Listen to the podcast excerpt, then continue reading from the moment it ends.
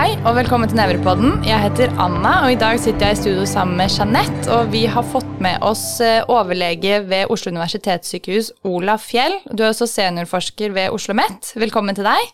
Takk, veldig hyggelig å være her. Vi skal snakke om prolapser i dag. Lumbale prolapser, altså ryggsmerter med utstråling.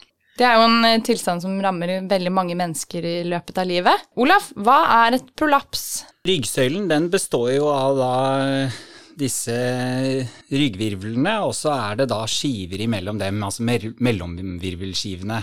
Og det er jo disse som ofte er årsaken til disse smertene som Jeanette nevnte her. Man kan tenke på disse skivene litt som eh, ja, de er noen form for eh, gummistrikker eller en, et pakning, og inni den pakningen så ligger det en gelémasse. Du kan sammenligne det litt med en, en, en gummistrikk eller en uh, pakning som har ligget litt for lenge i en kjøkkenbordskuff. Den blir ofte litt sånn tørr og krakelert, og det er det som er på en måte en tilstand som vi kaller sånn degenerative skiver. Og det er der liksom hele problemet starter. Og hvorfor noen får på en måte litt sånn aldrende, tørre skiver tidlig i livet, det vet vi egentlig ikke. Vi har ikke noe, egentlig noe kjempegodt svar på det, men vi, vi vet jo at det er litt livsstilsfaktorer som teller inn her, og så er det jo også eh, genetikken, da, så om mor og far har hatt problemer med det.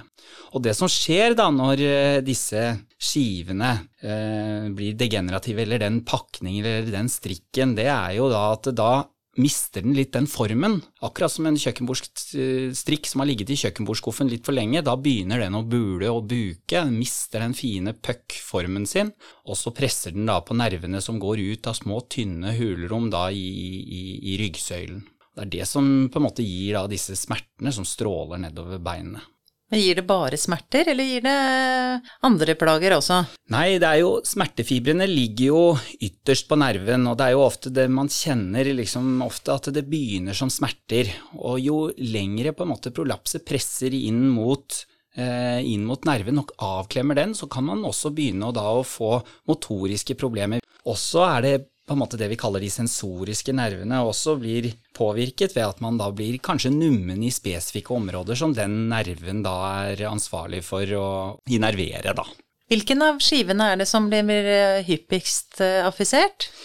Du, det er to skiver som er vanligst. 95% av alle prolapser er enten i overgangen mellom L4 og L5, eller i overgangen mellom L5 og S1. Så til de medisinstudentene der ute, så vil jeg, hvis du skal gamble på hvilken rot det er, eh, så i hvert fall velg en av de to, hvis man, ikke, hvis man står fullstendig fast. For som sagt, da, da er man innenfor 95 av alle. Og så ser man jo det at jo eldre man blir, så hender det noen ganger at eh, prolapsene kommer i, i, i nivåene over. Så med eldre mennesker, der eh, må man ofte tenke litt høyere opp, eller man kan i hvert fall gjøre det. Og så det, får den mye tyngde også, da, ovenfra. Har det noe å si, eller? Absolutt. Eh, man tenker seg jo ikke sant, at den Anulus fibrosus, som det heter, eller den strikken, den er jo slerkete da, ikke sant, og holder dårlig, og da trykk ovenifra er jo med på å tyte dette her og forandre formen sånn at skiven blir mindre, og da må nødvendigvis det materialet som blir presset ned og tyte ut, det må jo lande et eller annet sted, og da er det ofte da bakover mot disse røttene. Kan ikke bare fortelle litt mer rundt det, for det, det, det, er sikkert mange som ikke helt skjønner det med rot, spinal nerve, og når du kommer enda lenger ut også, så har man jo ischiasnerven, og ofte så mm. heter det jo ischias. Kan ikke du bare gi litt eh, ryddighet i disse begrepene? Jo. Det er jo sånn at eh, disse nervene de går ut av små eh, hølerom i, i spinalkanalen, og akkurat der de går ut, kaller vi nerverota, og det er jo ofte der prolapsene presser. Og hver nerverot har på en måte sitt område som det gjør vondt i. Ja, dermatomer. Helt riktig. Og så kommer de faktisk sammen igjen, nærmest i et sånt eh, spindelvev. Ja. Eh, lumbal pleksus, og derfra kalles de da ischiasnerven. Dette er jo noe som blir diskutert om hverandre både i litteratur og på enhver doktorgraddisputas. Definisjoner. Jeg tror man har gått mer og mer bort fra begrepet ischias, selv om det brukes både i litteratur og på folkemunne, og gått over til radikulære smerter, altså smerter som stråler nedover beinet. Men ischias-smerter, det er typisk fra på en måte korsrygg eller rumpa, og så stråler den nedover beinet, enten på utsiden, altså det lateralsiden, eller på baksiden av lår, og ned da i, i leggen. Ja, og det er der hvor ischiasnerven går. Helt riktig. Ja, ikke sant, så det er derfor det også kalles ischias. Men det som er smerter av et prolaps eller en betennelse, det er på rotnivå. Det er på rotnivå, og det er jo akkurat på en måte i det der nervene forlater spinalkanalen og går på en måte da og skal ut og inn i da dette spindelvevet av nerver eh, kalt lumbalpleksus. I de fleste tilfeller så er det jo bare at det på en måte ikke strikken ryker og gelémassen kommer ut, men at eh, strikken rent generelt, eller skiveprolapset, bare buker ut. Og så hender det noen ganger at eh, den eh, anulus fibrosus, altså gummistrikken, den ryker tvert av, og da kommer den gelémassen ut. Og det er ofte da vi får disse kjempestore prolapsene. Og så er det en viktig ting, at dette er jo ikke bare en sånn mekanisk ting. Det er jo ikke det at noe presser på nervene, og da gjør det vondt. Det må en betennelsesprosess til. Det er mange som på en måte ikke tenker over at hvis man f.eks. bare trykker på en nerve, så er det ikke nødvendigvis at det gjør vondt. Og vi ser jo det ofte, at det er prolapser der som presser på nerver som ikke gjør vondt. Man må ha en betennelsesreaksjon. Og så spør dere ja, men hvor kommer den fra? Nei, altså hadde jeg visst helt svaret på det, så hadde jeg kanskje ikke vært her i dag. Da hadde jeg kanskje vært på en strand og styrtrik, for det er jo liksom hele prosessen her å finne ut hvorfor det blir betent. Men vi vet jo at det er mange sånne inflammasjonsmarkører, og gjerne da den gelémassen, ikke sant. Nucleus polposus den inneholder masse, så disse ofte de ekskruderte prolapser, da blir det en enorm betennelse, og i kombinasjon da med å presse på nerven, så gjør det styggvondt, altså. Hva er det L5-rot eh, innerverer? Jo, L5-roten den, den, gjør ofte vondt da på siden av eh, låret, og den går på en måte på siden av leggen, og så krysser den over til risten, og så går den ut i stortå. Og jeg pleier ofte å stille spørsmålet da liksom ja, peke og vise da til pasienten. Går den sånn, syns du, eller går det sånn? Og S1 da, den er typisk veldig vondt i setet, i rumpa, og så stråler det liksom tannverklignende på baksiden av låret, og så baksiden av leggen, og så går den ofte til hælen og under foten, eller på siden av foten, på yttersiden der ved, ved, ved lilletåa der. Men går det alltid helt ut i tærne, eller kan det stoppe lenger oppe selv om det er L5 eller S1? Nei, eh, det er et veldig godt spørsmål, og i de fleste tilfeller hvor det på en måte ikke er, kanskje er et kjempestort prolaps, men det liksom står sånn og terger den SN S1 eller L5-rota, så er det ofte liksom rumpa og baksida av låret, så kan det fort stoppe bare på halve låret. Eh, også på L5-rota, da er det liksom på siden, da. Nesten, nesten, hofte. Men man må jo være forsiktig, for det kan jo være vondt i hofta også. Det er jo en av de tingene man må se litt på, da. Og så har man jo andre Det var jo nevnt én ting er jo liksom hvor smertene går, og det, det syns jeg er ofte det, det, beste å bruke, for det er jo veldig sjeldent at man har endret, eh, endret følelse eller sensorikk eller at man har lammelser i foten som kan ytterligere hjelpe å vite hvilken rot det er. Det er jo også noe man kan da bruke, og reflekser i tillegg. Så hvis man skal gå nærmere inn på det, så er det jo da SN-rota. Den typisk gir jo nummenhet på samme område som den gjør vondt. Og så er det vanskelig å Eller man kan få oppleve svakhet for det vi kaller plantarfleksjon, altså evne til å stå på ett bein. På tærne. På, på tærne, ja. Helt riktig. Og L5 den er jo på en måte motsatt. Da er det liksom det å, å stå på hælene som, som, blir vanskelig. Og, og, der skal du også gjøre en Trendelburg for å se på stabilitet og gluteus medius, ikke sant? Det er den Det er ofte den vi bruker, da. Ja. ja. Og SN-rota den har jo da den ankelrefleksen som man kan bruke i tillegg. Mm. Og L5 den har ikke noe sånn veldig god refleks å bruke i det daglige. Det er på en måte blitt knehasrefleksen, men den er jo helt ubrukelig å bruke. Den benyttes jo ikke i Nei, i hvert fall ikke av nevrologer, Eh, men fysioterapeuten bruker den hyppig. Så der er det faktisk når jeg snakker med fysioterapeuter, eh, for det gjør man jo ofte når man jobber med rygg, så mm. brukes den mer hyppig enn det vi ironisk nok eh, nevrologene bruker. Ja, og det er altså bare sånn at alle lytterne skjønner hva det er. Altså en, en patellarefleks vet de aller fleste. Det er en L3-L4-refleks som man slår på mm, patellarscenen. Men en knehaserefleks er da helt på motsatt side. Da går du altså på baksiden av kneet og sjekker om du får frem en fleksjon. Ok, men eh, la oss si at eh, nå har jeg fått eh, ischias, da. Eller jeg har fått eh, vondt i ryggen med utstråling til beinet. Eh, jeg går til fastlegen min.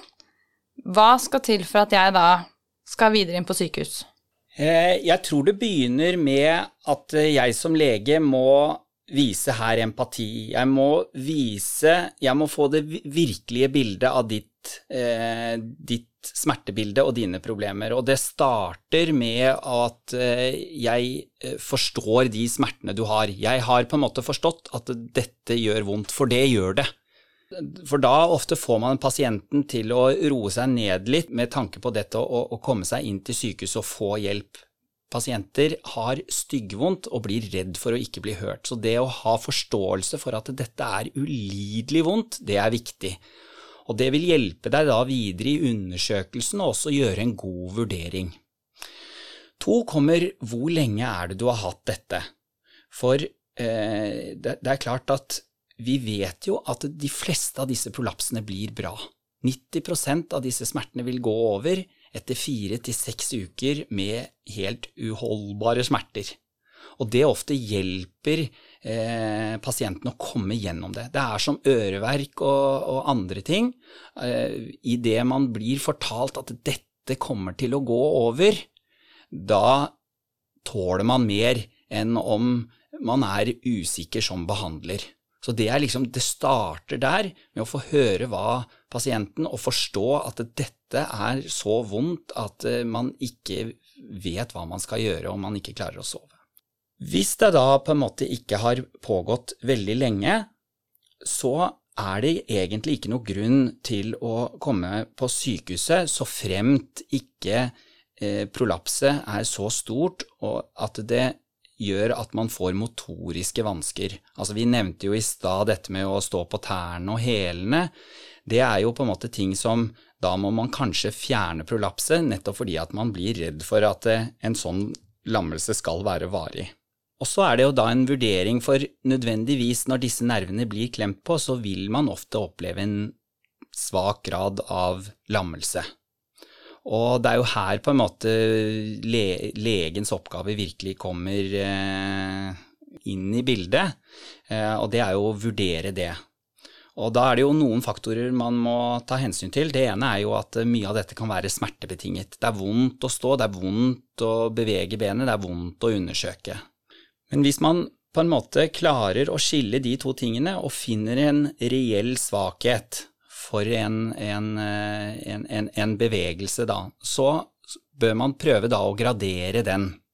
Og da har vi en skala fra null til fem, hvorav fem er på en måte helt normal funksjon.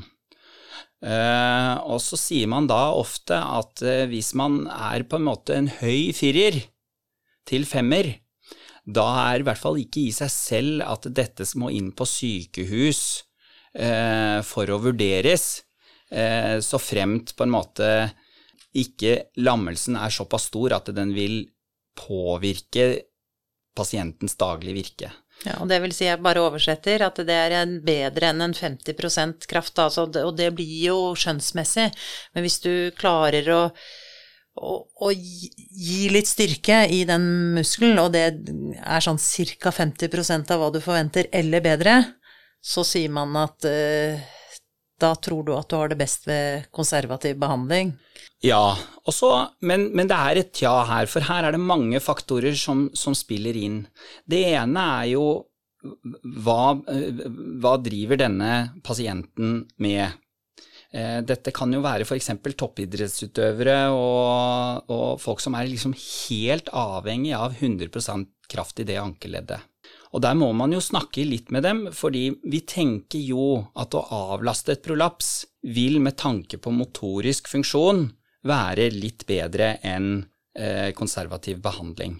Men vi ser jo at lammelser kan være varig selv med operasjon ved et tidlig tidspunkt, og de kan også bedres ved konservativ behandling, så det er jo ikke gitt at en operasjon eh, vil bedre en lammelse, Men man tenker seg jo, og det er jo nettopp derfor man opererer når det er høygradige lammelser, eh, men man tenker seg jo da ved et prolaps da, som, som, som påvirker muskelkraften, eh, vil nok ha det bedre med kirurgi enn konservativ behandling. Når det kommer til eh, prolapser som gir ofte da smerter eh, og motoriske problemer, så hender det jo ofte at vi bistår med å gradere og hjelpe til i forhold til dette med operasjonsindikasjon. Så tilbake til spørsmålet ditt da med hvem skal henvises. Ja, hvis det er en usikkerhet i lammelsen, så bør de vurderes av spesialist. Er det sånn? Ja, jeg tenker det. Og spesielt hvis dette er noe som på en måte progredierer også, ikke sant. Mm, Men hvis det er helt sånne subtile subtile på en måte kraftendringer, så er det forventet, og det har generelt god prognose. Er det noen tvil her, så er det jo bare å, å ta en telefon til en spesialist på det. Det tenker jeg jo er eh, greit. Mm. Også hvis ja. Eh, prolapset er så gigasvært eh, at det klemmer på litt mer enn bare én rot, da har vi også noen sånne røde flagg. Har du lyst til å si kort om det? Noen ganger så Jeg nevnte jo at disse prolapsene de pleier å på en måte buke ut til en av sidene og bare ta røttene. Men det hender jo noen ganger at disse på en måte buker inn i, i midtlinjen, altså at det hele prolapset bare buker ut bakover. Og der går det noen røtter eh, som vi kaller da cauda equina, altså på latin eh, hestehalen. Og disse røttene de går da til blære, til eh, rektum og til på en måte underlivet, da. Og disse nervene her, de er veldig skjøre, og man tenker seg at de skal ikke ligge under press lenge før det blir varig skade med tanke på blærefunksjon, potens og analsvinkteren. Så derfor skal disse pasientene de skal det ringes inn til med en gang, for de trenger operasjon faktisk innen i hvert fall 48 timer, men helst mye før det, altså type 7 til 24. Og selv når de kommer inn da, har denne tilstanden dessverre en litt dårlig prognose. Og det kalles da cauda equina-syndrom. Mm, eller, eller cauda equina-affeksjon, at du har, mm. du har kanskje ikke hele syndromet, men du har deler av syndromet, da, som kanskje Kauda kvinneaffeksjon her. Men jeg, jeg, hørte liksom alltid selv at uh, solen skal ikke gå ned over en paretisk fot. Hvis du har da økende lammelser, så skal du ikke liksom si sånn nei, men det venter vi og ser til neste uke. For det, hvis du skal tenke at du skal faktisk bedre funksjonen på en lammelse da, som er under progresjon, så må man fort inn. Ikke sant? Det er øyeblikkelig hjelp, dette her. Helt riktig, jeg sitter her og nikker til eh, hva Jeanette sier, og jeg tror jo en sånn god huskeregel er jo det at hvis det er lammelser i, i, i bena av eh, så, så, kan det være greit å ta en telefon til, eh, til spesialist da, og jeg tenker jo, jo, raskere man får den vurderingen, jo, jo bedre er det. Men vi snakker ikke om timer da med tanke på armer og bein, da er det jo først og fremst blærefunksjon og potens og disse kaudale røttene. Vi begynte jo med dette her med at det er veldig mange som opplever eh, å ha et prolaps eh, i løpet av livet. Men hvordan er det i forhold til eh, Nå har vi snakket litt om operasjon, eh, men opp mot konservativ behandling, er det flest som blir operert, eller flest som eh, har konservativ behandling, altså ikke noe operasjon? Nei, de færreste blir operert. Eh, og dette er jo allmennlegene som håndterer eh, broparten av, av, disse pasientene. Så da bare tørker de ut da, disse prolapsene? Det er helt riktig. Altså, det er jo tilbake til denne inflammasjonen vi snakket om, og det er jo den som også er kjernen til at disse eh, eh prolapsene tørker ut, og de hvite blodcellene i immunforsvaret vårt tygger opp dette materialet, og så tørker det ut, og så blir det bra. Ja, nettopp. Så er det god prognose. Det er fryktelig god prognose, men man må liksom komme seg gjennom den grusomme perioden på fire uker, da. Fire-fem uker. Også da er det jo en andel pasienter da som går en tre, til fire måneder med veldig vondt, og de kan da vurderes for kirurgi. Ja, og der har jo du en del kunnskap med, med din egen forskning også, hvor du har sett på de ulike gruppene om hvordan det går med dem, hvis du deler de inn i de som blir operert og ikke er operert. Så skal ja. jeg oppsummere din forskning, men det Nei, det, det, er jo sånn når vi ser på på en måte etter tre til fire måneder, så ser vi at da er det en form for avflatning av kurven hva angår bedring. Det er ikke dermed sagt at du har gått med et prolaps i tre måneder og at det er ikke noe håp for deg å bli bedre. Men stort sett, hvis man ser på populasjonsbasis, så ser man at eh, kurven flater ut. Og da, det, da, da kan man vurdere kirurgi. På smerteindikasjon. På smerteindikasjon, helt riktig. Eh, og da ser vi at eh, det er ca. 20% som ikke opplever bedring etter ett år etter operasjonen. Så det er viktig at det er ikke garantert at du blir kvitt smertene selv med operativ behandling. Og så ser vi at det er en stor andel som blir reoperert innen to til tre år etter å ha fått prolapse. Så det jeg sier på en litt sånn klønete måte, kanskje, er at uh, kirurgien det er liksom ikke sånn endelig. Du har ikke på en måte fikset problemet. De degenerative skivene, eller den tørre skiva eller den sprukne skiva, den er jo der fremdeles, og den kan buke ut på nytt da, selv om man har gjennomgått en operasjon. Jeg har to spørsmål om eh, undersøkelsen. Det ene er sånn Hvis du, det kommer inn en pasient eh, med ischias-smerter mot ja. ryggen, holder det å undersøke bare ryggen i forhold til å gjøre en generell nevrologisk undersøkelse for oss eh, LIS i mottak. Skal vi gjøre en full eh, status, eller holder det med bare rygg? Jeg tror at i de fleste tilfeller så holder det å eh, gjøre en undersøkelse av ryggen. Men jeg tror det er viktig å se etter sentralnervøse funn, at det på en måte ikke tempo er redusert, koordinasjonsvansker, styringssvikt i bena. Men hvis pasienten har på en måte mekaniske smerter, og alderen passer, og det er ingen åpenbare grunner til at eh, dette skal være del av en annen nevrologisk sykdom som også rammer armer. Man kunne jo spørre er armene på en måte fungerer de sånn som de skal. Så ser jeg ikke noen nødvendighet til å undersøke armene, i hvert fall detaljert, så fremt sykehistorien passer med ischias, og at man ikke har noen åpenbare sentralnervøse funn i, i, beina. Og med ryggen så mener du fra ryggen og ned, ja.